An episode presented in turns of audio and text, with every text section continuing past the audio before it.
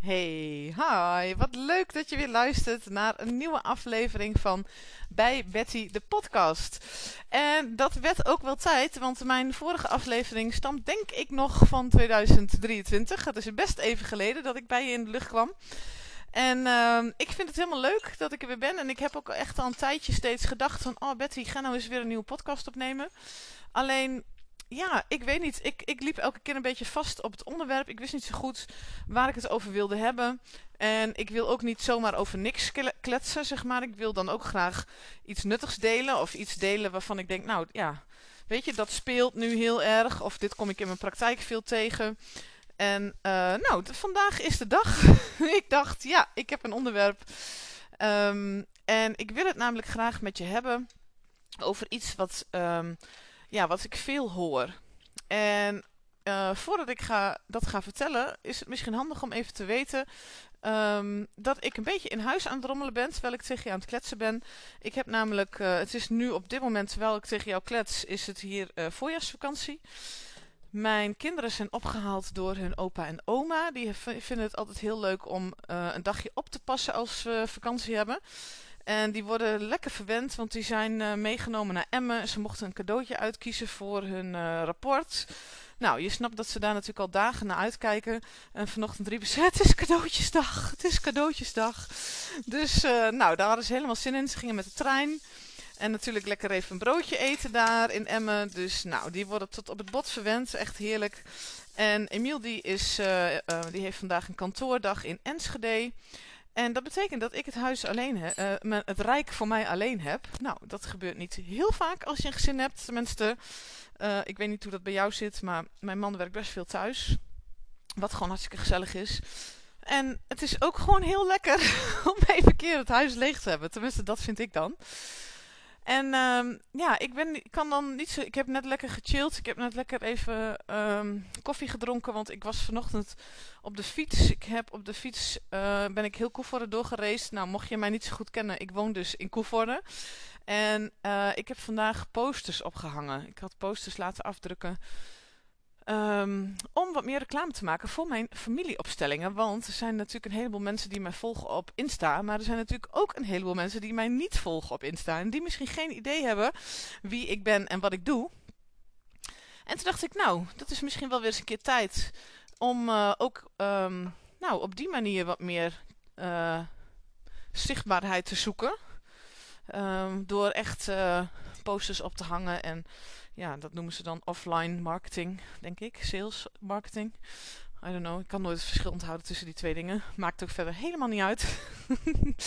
maar goed, dus uh, ik heb vanochtend twee uur lang op de fiets uh, Koevoorde doorgekrost. En overal posters en visitekaartjes uh, achtergelaten.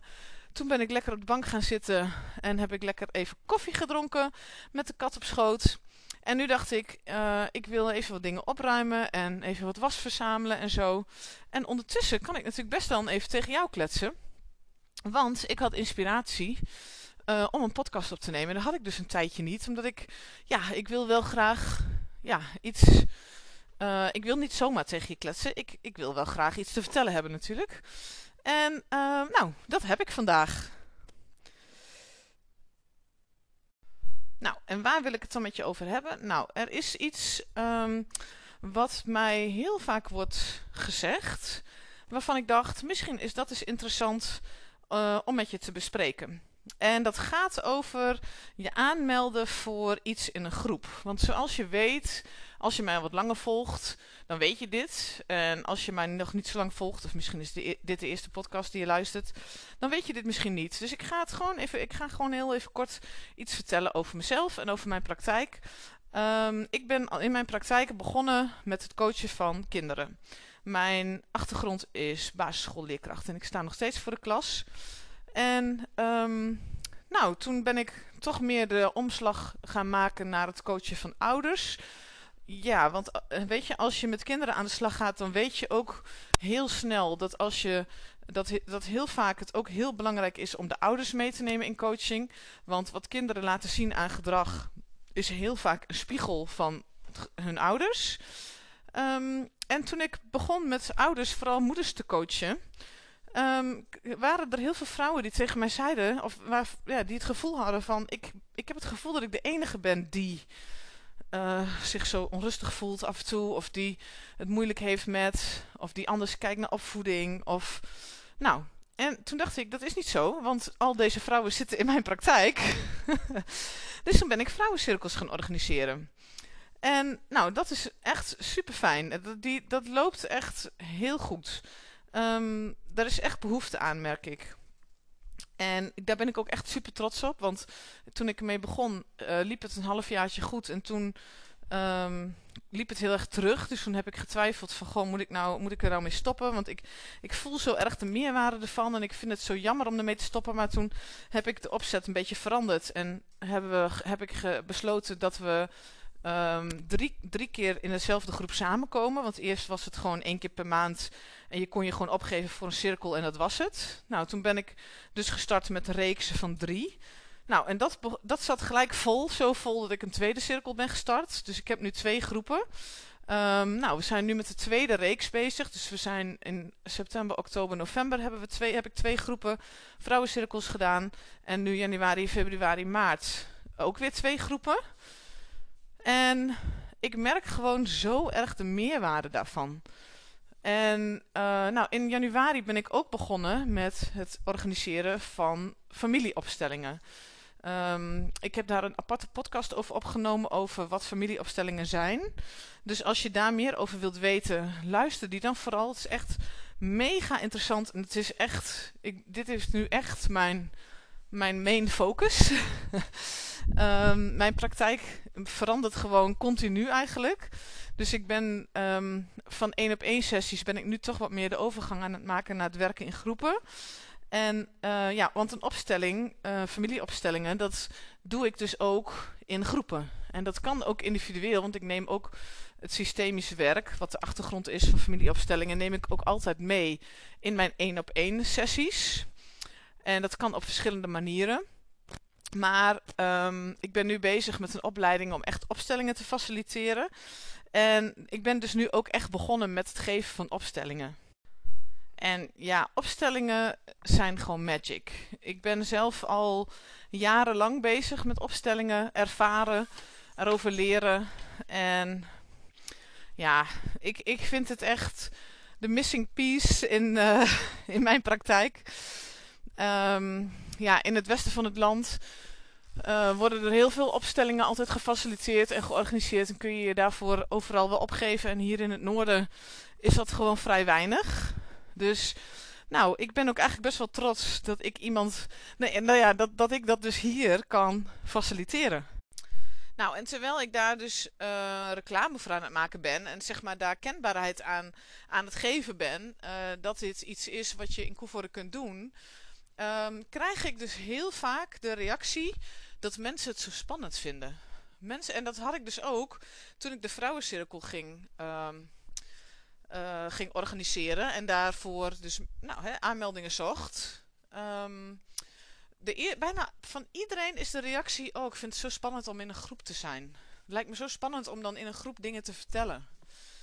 Ik weet niet of ik dat wel durf. En straks zijn er bekenden, zijn er mensen die ik dan vervolgens tegenkom in, um, in de stad, in de supermarkt of bij, aan het schoolplein, weet je wel. En dat is een reactie die ik nu ook dus weer krijg uh, als ik vertel over de familieopstellingen. Dus ik dacht, misschien is het gewoon eens tijd om daar eens wat over te zeggen. Want, en dat doe ik ook wel trouwens, in, de in posts heb ik dat al wel besproken. Want ja, ik vind het um, logisch, ik snap het heel erg. Maar het is ook zo vreselijk zonde om je daardoor te laten tegenhouden. En ik ga je vertellen waarom. Ik was zelf, denk ik, uh, begin twintig toen ik voor het eerst me opgaf voor iets in een groep. Uh, dat was toen een opleiding tot holistisch energetisch therapeut. Ik moest even nadenken over de naam, maar dat was de goede naam. Een opleiding tot holistisch energetisch therapeut. En die opleiding die ging ik toen niet doen omdat ik energetisch holistisch therapeut wilde worden. Maar die ging ik doen omdat ik een sessie had gehad met de dame die die opleiding gaf. En zij zei, ja weet je, als je die dat eerste jaar van de opleiding gaat doen, dat is gewoon eigenlijk heel erg alleen maar zelfontwikkeling. En dat zou echt ontzettend goed zijn voor jou. Dus dat ben ik gaan doen en dat was echt ontzettend goed voor mij. En ik vond dat dus ook rete spannend, want dat was dus in een groep. En dat was ook best een grote groep. Iets van twaalf dames, denk ik. Nou, ik was de jongste. Allemaal uh, vrouwen, nou ja, de meeste waren wel eind 30, begin 40, soms wel ouder. En um, ja, ik ben dus daar begin 20 jaar ben ik daarmee begonnen. En sindsdien heb ik heel veel trainingen gedaan, heel veel opleidingen gedaan. En bijna alles is in groepen. Ik heb ook sessies natuurlijk alleen gehad, zeg maar, voor mezelf. Um, heb ik ook nog steeds. Ik heb een coach. En dat vind ik super waardevol. En uh, ik snap dus heel goed het gevoel van dat het zo spannend is om je op te geven voor een groep. En omdat ik dat heel goed weet en omdat ik heel veel ervaring heb in het zitten in groepen, um, kan ik je ook vertellen dat die spanning echt, echt, uh, ja, gewoon echt niet nodig is. Het is echt niet nodig. Um, tenminste, kijk, dat ligt eraan wat je gaat doen natuurlijk. Maar ik ben nu dus al anderhalf jaar uh, bezig met vrouwencirkels die ik faciliteer. En ik zal je zeggen dat, nou, ik denk elke vrouw die zich een keer heeft opgegeven is teruggekomen. En dat, zeg ik, dat wil ik dan niet zeggen om op te scheppen, maar dat wil ik gewoon zeggen om te laten zien uh, dat het super fijn is en dat het heel veilig is. In mijn cirkels in elk geval, weet je, en ook bij mij in de opstellingen. Um, in een groep uh, word je gedragen namelijk door de groep. En vergeet niet, en dat is wat heel veel mensen denk ik wel vergeten. Als jij je opgeeft voor iets dat vrouwencirkel heet, of iets dat familieopstellingen heet, dan geef je daarvoor op omdat je daarvoor open staat. Omdat je daar nieuwsgierig naar bent. Omdat jij iets hebt waarvan je denkt, ja, dat heb ik te delen. Ik, ik, ik heb het nodig, ik vind het fijn om in een groep vrouwen te zijn. En ik wil mijn verhaal vertellen en ik wil openstaan voor verhalen van anderen. Ik wil dat eens ervaren. Dat voel jij misschien, maar dat voelt ook elke andere vrouw die zich opgeeft. En dat vergeten we vaak, want we zijn zo druk met onze eigen angst en onze eigen onzekerheid. En oh jee, wat vinden ze allemaal wel niet van me? En misschien zijn het wel bekenden en misschien kom ik ze wel tegen, maar misschien is dat dus helemaal niet erg, want die andere vrouwen zijn net zoals jij. Die zijn net zoals jij. Die vinden het ook spannend. Die weten ook niet goed wat ze te wachten staat. Die weten ook niet, goh, durf ik alles wel te vertellen? Dat weten zij ook niet. Dus weet je, vergeet dat alsjeblieft niet. Vergeet dat alsjeblieft niet dat alle andere mensen die hiervoor openstaan, het ook spannend vinden. En waarschijnlijk ook weinig ervaring hiermee hebben. Want laten we eerlijk zijn, hier in deze omgeving, kijk, hè, als je mij kent, dan weet je dat ik um, in Koevoorde zit. En dat ik, dat zei ik net ook al, I know.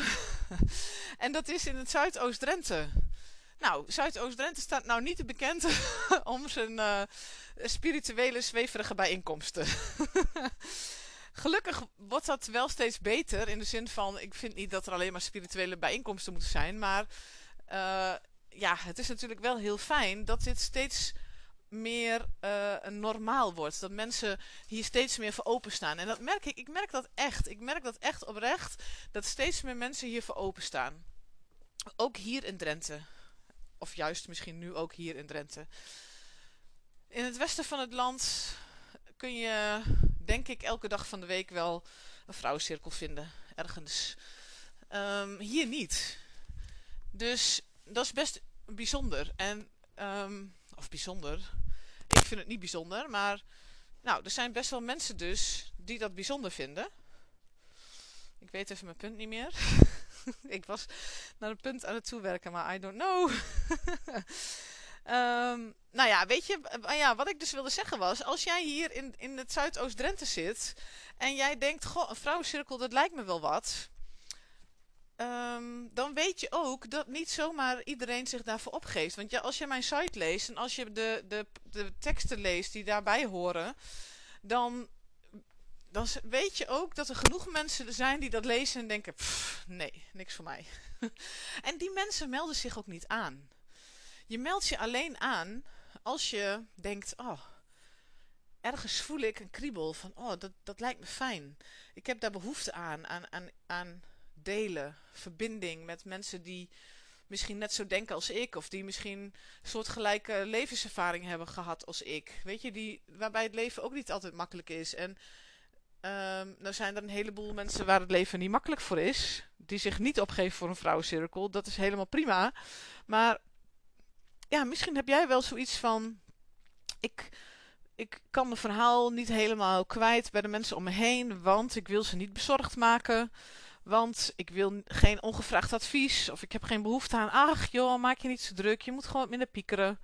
Weet je wel, dat soort dingen. Dat horen we natuurlijk heel vaak. Maar dat is helemaal niet wa wat, wat je wilt horen.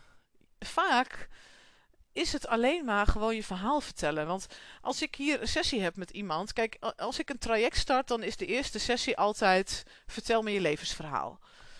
En daar heb je dan een huiswerkopdracht voor gekregen om thuis daar alvast wat voorbereid werk voor te doen. En in die sessie is het vooral de bedoeling dat jij heel veel vertelt en dat ik je vragen stel.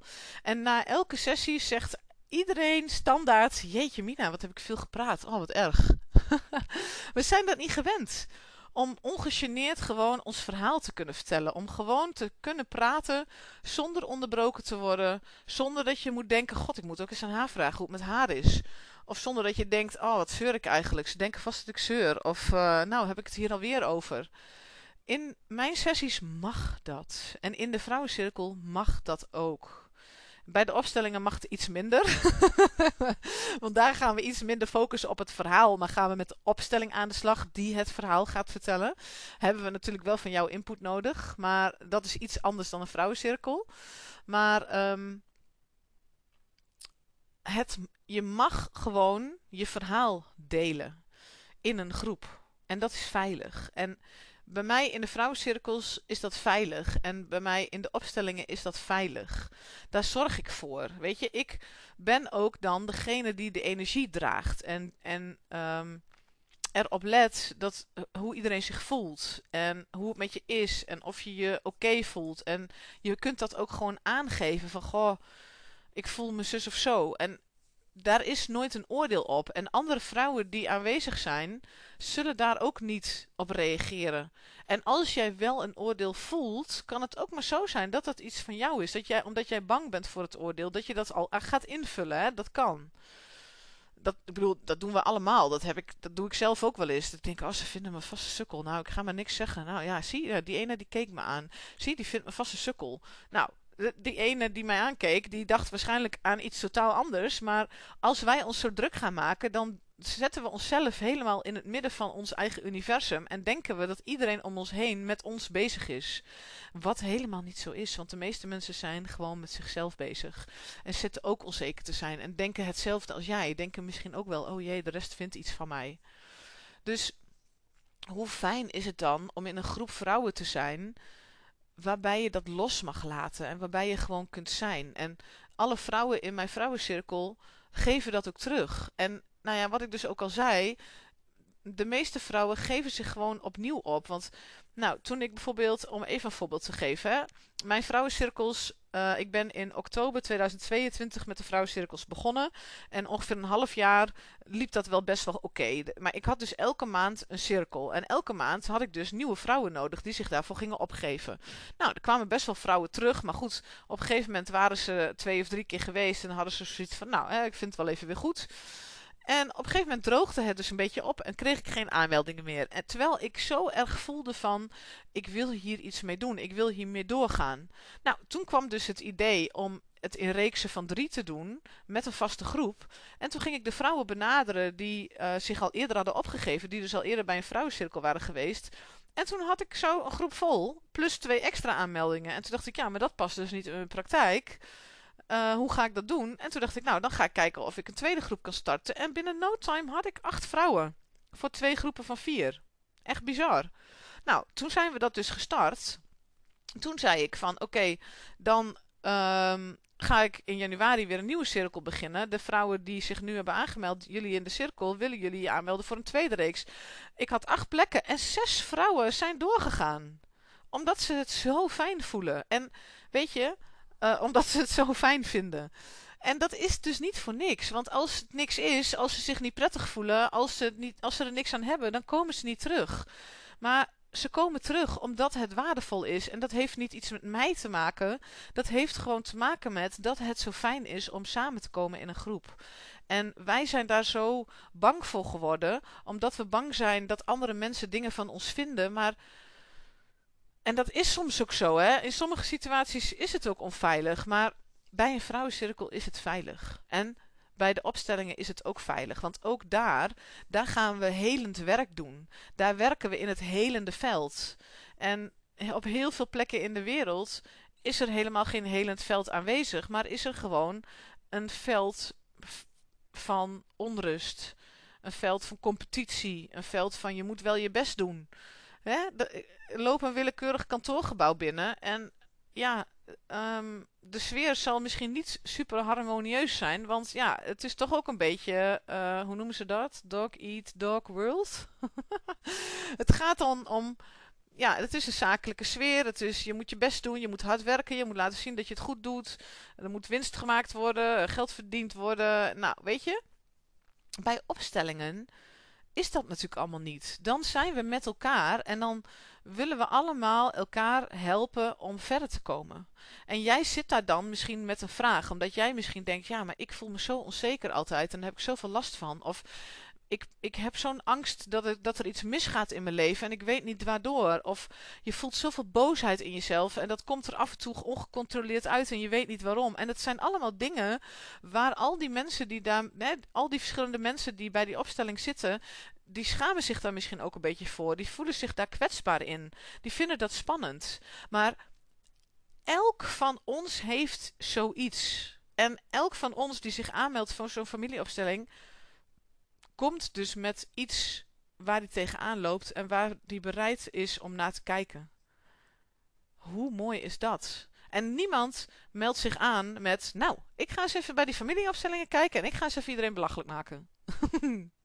dat, is, dat gebeurt niet. Dat mensen, mensen in de, in de, nou, ik denk iets van 18 jaar dat ik zeg maar in deze wereld me beweeg, in de zelfontwikkelingswereld en, en um, in groepen werk en zo. Nee, nee. ik kan me niet heugen dat iemand zich zo heeft opgesteld. Er zijn wel mensen soms in groepen die heel erg met zichzelf struggelen en dat afreageren op een ander. Maar goed, dat is, dat is weer iets anders natuurlijk. Alhoewel, als je je aanmeldt voor zoiets uh, om, met als reden om. Uh, um, wat zei ik nou net? Om iedereen af te zeiken? Of wat zei ik eigenlijk? Ik weet het al niet meer.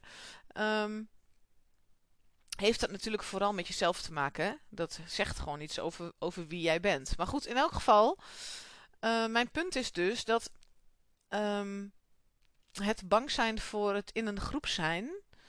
Ik hoop heel, met heel mijn hart hoop ik dat, dat, je niet, dat je dat je niet laat tegenhouden om je toch aan te melden. Want ik weet gewoon um, dat dat wegvalt. En dat zal misschien de eerste 20 minuten van de avond zul je nog wat spanning voelen, maar ik zorg er altijd voor dat je dat loslaat. Dat je, en daar, heb ik verschillende oefeningen voor en meditaties voor. En dat komt altijd goed. En natuurlijk is het soms een beetje spannend, maar dat is ook niet erg. Weet je, als je uit je comfortzone gaat, is er ook een spanningsveld.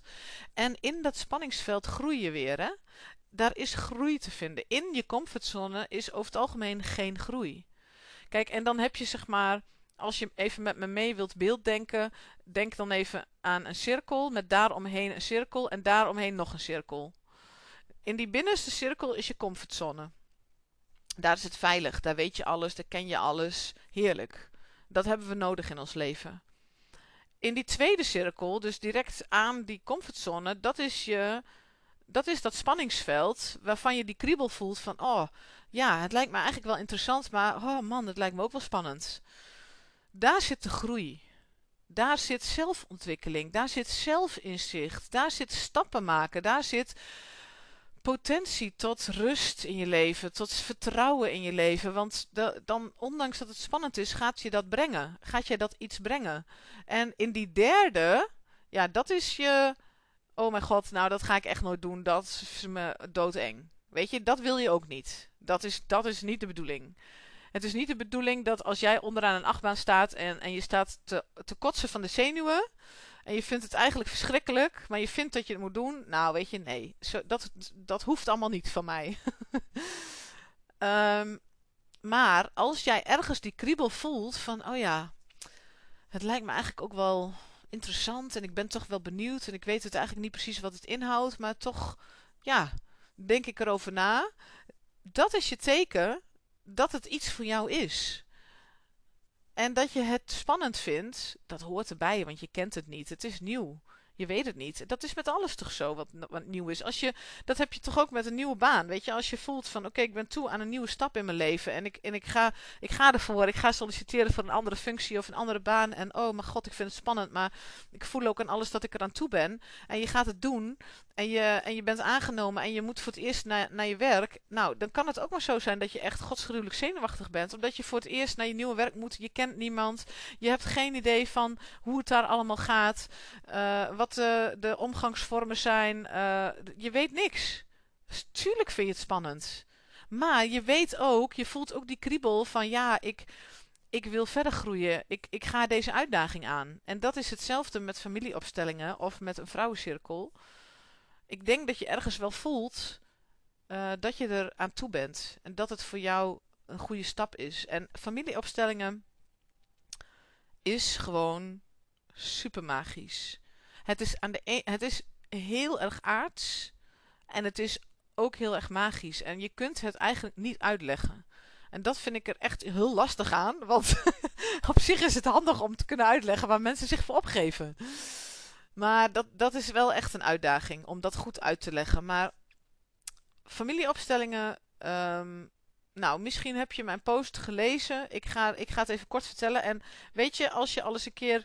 Um, als je mijn uh, podcast over familieopstellingen al geluisterd hebt, dan kun je deze kun je nu lekker uitzetten, denk ik. Want dan ga ik vast wat herhalen. Um, maar ik ga mijn best doen om toch nog even kort iets over familieopstellingen uit te leggen.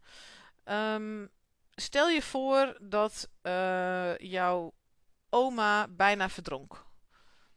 En jouw overgrootoma was daarbij, heeft haar kind uit het water getrokken, was al kopje onder, heeft haar kind uit het water getrokken, uh, uh, water overgegeven, liep al blauw aan en toch, oh gelukkig. Je oma was twee, dus die heeft daar geen herinneringen meer aan, maar de angst voor water, de angst voor verdrinking is onmiddellijk natuurlijk geactiveerd.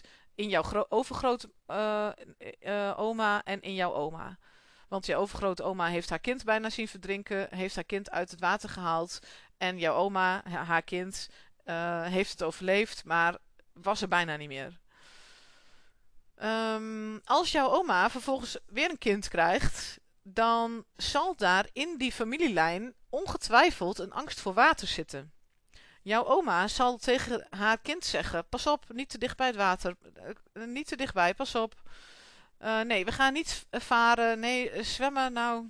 Ja, alleen als je vijf diploma's hebt. Weet je zo.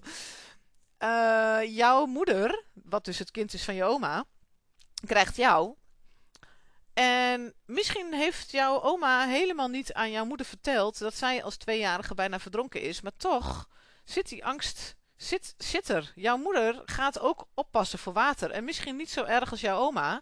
Maar er zal altijd ergens een angst voor water zijn. En jij um, bent ondertussen volwassene en krijgt ook een kind. En elke keer als je over een brug loopt met je kind, grijpt het je naar de keel en denk je: Oh mijn god, wat gebeurt er? Oh, dat water, oh, straks verdrinkt hij. Dat kan, hè? Het hoeft niet zo te zijn, hè? Maar dat kan. Um, zo zijn er natuurlijk een heleboel dingen die in een familie gebeuren, die doorgegeven worden. Angst, angst um, uh, voor tekort bijvoorbeeld. Dat het te weinig is van iets. Uh, bepaalde boosheid die er in, in families zit, bijvoorbeeld. Um, ja, er zijn, ik bedoel, ik hoef niet natuurlijk honderd voorbeelden te noemen, maar um, het is gewoon heel erg interessant om te kijken naar wat is jouw issue? Waar loop jij tegenaan in je leven? En hoe kunnen we dat terugleiden naar ehm, ja, waar dat mee te maken heeft, zodat het voor jou kan oplossen. En familieopstellingen is niet uit nieuwsgierigheid graven in je familie. Het gaat erom dat jij ehm, iets inzicht krijgt in jezelf. Dus nou, bijvoorbeeld, wij hadden uh, in de vorige opstellingen hadden wij een vrouw die heel veel struggles had met um, haar vader, meen ik haar vader. Dat ze vond dat haar vader uh, heel veel issues had, maar er niks mee deed. En dat haar moeder het zwaar had met haar vader. En dat zij zo graag wilde dat haar vader met zichzelf aan de slag zou gaan. Maar hij wilde dat niet en zij snapte het niet. En zij maakte zich er heel erg druk om.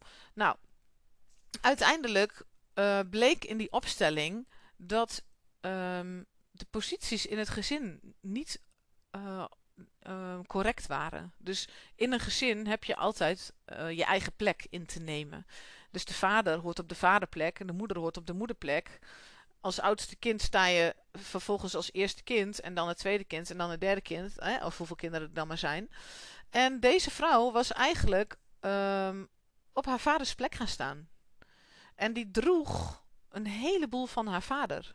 Onbewust, hè? dat doe je niet bewust. Maar we hadden een kussen gepakt uh, als, um, om even te representeren van hè, hoe voelt dat dan? Wat draag je dan? En toen had ze dat kussen vast en toen dacht ze, ja, dit kussen dat heb ik de hele tijd vast en dit hoort bij mij, maar het hoort ook niet bij mij, maar ik weet niet wat ik ermee moet en oh, het is zo zwaar. Nou ja, daar hebben we in de opstelling bepaalde interventies kunnen doen. En zij, zij vond rust. Ze vond rust en ze kon inzien dat waar haar vader mee struggelde, dat dat haar Jannie was. En natuurlijk kun je haar dat vertellen. Dat, dat, hadden wij natuurlijk allemaal. Iedereen die daarbij was, had natuurlijk tegen haar kunnen zeggen van... joh, maar luister, als jouw vader niet met zichzelf aan de slag wil gaan... Dan, dan is dat zijn zaak, weet je. Daar hoef jij helemaal niks van te vinden. Maar dat komt niet aan. Want nog steeds voelt het zo. Want je staat nog steeds in die opstelling niet goed. En in de opstelling, in je gezin, kunnen we dat dus zien. En kunnen we dat zichtbaar maken. En kunnen we vervolgens interventies doen... om uh, jou op je eigen plek te zetten. En zodra jij op je eigen plek gaat staan, gaan er dingen voor je veranderen. En misschien dus ook voor mensen om je heen, maar dat is op zich geen prioriteit. Het gaat om jou. Waar, waar jij mee struggelt en wat jij wilt veranderen. Dus, nou ja, en zo zijn er natuurlijk talloze voorbeelden te noemen. Maar um, familieopstellingen maken dat jij uit je hoofd gaat en dat je gaat voelen. En dat we naar een diepere laag gaan kijken. Want zoals ik al zei, um, jij kunt mij je verhaal vertellen en ik kan jou vertellen, nou, maar dat moet je gewoon zo of zo doen. Maar dat doen wij natuurlijk de hele tijd tegen elkaar. Hoe vaak zegt iemand wel niet tegen jou, ach joh, je moet je gewoon niet zo druk maken, je moet niet zo piekeren. Nou, als het zo makkelijk was. maar zo makkelijk is het dus niet. Het is niet zo makkelijk als, nou, hou maar op met piekeren. Oké, dan hou ik op met piekeren. En in een opstelling kunnen we dat allemaal neerzetten. En kunnen we gaan kijken van, hé, hey, wat zijn hier de dynamieken? Wat zijn hier de patronen? Wat klopt er hier niet? En wat kunnen we kloppend maken, zodat er rust ontstaat? En dat is echt magisch. En daar heb je gewoon een groep mensen voor nodig. En we kunnen ook één op één daar zeker dingen in doen. Maar in een opstelling heb je mensen dus die representant staan voor iets of voor iemand. Uh, die hebben informatie die jij niet hebt. En dat is zo waardevol om dat te horen en te zien. Dus um, ja, ik, ik gun het gewoon iedereen om dit eens mee te maken. En daarom hebben we ook uh, voor de familieopstellingen de prijs gewoon heel laag gehouden. Want als je een beetje gaat zoeken, nou, je zult zien, uh, als je je op wilt geven voor familieopstellingen, heel veel mensen zeggen van, als jij een vraag wilt inbrengen, betaal je meer. En als je geen vraag in wilt brengen, maar je bent representant, betaal je minder. En volgens mij heb je soms ook nog wel eens mensen die zeggen, nou, je kunt betalen al voor een vraag in, in te brengen, je kunt betalen om representant te zijn, of je betaalt niks, maar dan ben je alleen erbij en dan kijk je alleen. Nou, ik organiseer de familieopstellingen samen met Sascha en wij werken niet zo. Wij, wij uh, vinden namelijk dat op de avond of het dagdeel zelf het zich wel aandient. En dan voel jij wel of je wel of niet een vraag hebt. En wij willen het niet afkaderen. Zo van, nou, jij hebt minder betaald, dus jij mag niet een vraag stellen. Nee, we weten niet hoe de avond gaat lopen. We weten niet hoeveel opstellingen we gaan doen. Want één opstelling kan een kwartier duren, een ander duurt drie kwartier. Dat weet je van tevoren niet. Dus wij willen het juist heel graag open houden. En we houden nu de prijs nog laag. Omdat we gewoon heel graag willen dat mensen hiermee komen kennismaken. Sommige mensen die opstellingen organiseren. En uh, dus bijvoorbeeld voor een vraagsteller um, een aparte prijs vragen. Die vragen soms wel over de 100 euro. En dat is helemaal prima. Weet je, iedereen moet dat natuurlijk zelf weten. Uh, alleen, ja, voor ons voelt dat gewoon niet fijn. En wij vragen 25 euro voor een heel dagdeel een hele avond of een hele middag. Uh, en dat is echt niet duur. Als je, gaat, als je een beetje gaat googlen, uh, kom je erachter dat het echt niet duur is. En wij vinden het gewoon belangrijk om de prijs laag te houden omdat we gewoon zo graag hier bekendheid aan willen geven. En mensen willen laten weten hoe waardevol het is. En ja, dan is de drempel toch iets lager. Kijk, als er 100 euro voor komt te staan. We zeggen nou, je betaalt 125 euro voor een avond. Ja, kom je dan nog? Helemaal als je niet echt weet wat het inhoudt. Dus ja, wij vinden het gewoon. Wij voelen hier zoveel passie voor. Nou ja, we hadden gisteravond ook even een overleg. En uh, we hadden allebei zoiets van: ja, we willen dit uitbouwen. We willen hier meer mee doen. Want dit voelt gewoon zo goed. En ja, wij weten gewoon dat, hoe waardevol dit is. En wij, wij voelen allebei heel erg van: dit is ons pad. Dit, dit kunnen wij bieden aan mensen. Um, dus we willen hier echt meer mee gaan doen. En ja, weet je, we zijn nu nog, ook nog bezig met onze opleiding. We hebben allebei al trainingen gedaan en we hebben allebei al heel lang onze eigen praktijk en werken ook al heel lang met systemisch werk. Maar goed, zo, deze opleiding is tot en met juni of juli. En nou ja, daarna gaan de opstellingen denk ik echt wel in prijs omhoog. Um, en gaan we het misschien ook wel uitbreiden, waardoor de prijs sowieso ook hoger wordt.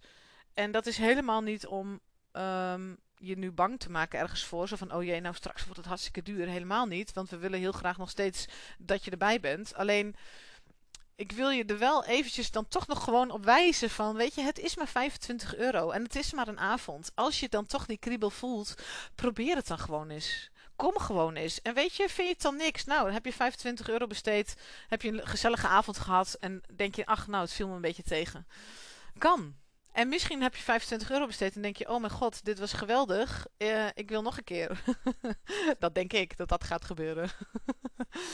um, dus ja, ik, ik, nodig je van harte uit om, om het gewoon eens te proberen. En ik hoop heel erg dat de angst voor een groepje niet gaat tegenhouden. Maar dat je juist ook kunt beseffen dat het zo waardevol is om juist met die gelijkgestemde mensen samen te komen. Want dat is ook waarom dus zoveel vrouwen zich opnieuw opgeven voor mijn vrouwencirkels.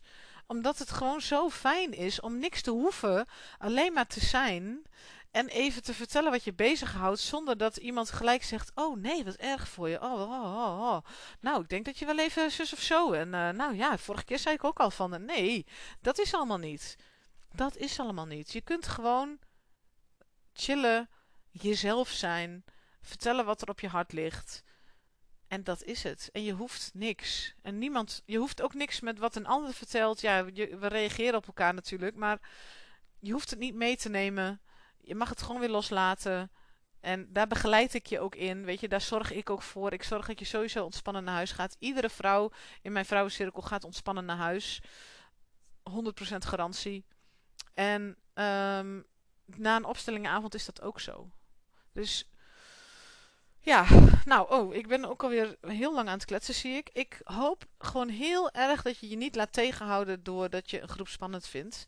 En dat je jezelf gunt om dit uit te proberen. Dat hoop ik gewoon. En ik hoop je te zien. En voel je ook uitgenodigd om je vragen te stellen. Weet je, als je twijfelt ergens over of je wil iets meer weten, DM me dan op Instagram of stuur me een, mailtje. Betty@bijbetty.nl en laat het me gewoon weten. Uh, want dan denk ik even met je mee of dan beantwoord ik je vraag. En um, dan kun je altijd nog kijken of je je wel of niet opgeeft. Nou, dat was mijn uh, hele rant. Want ik ben toch nog best wel uh, lang aan het praten geweest. Langer dan ik had verwacht.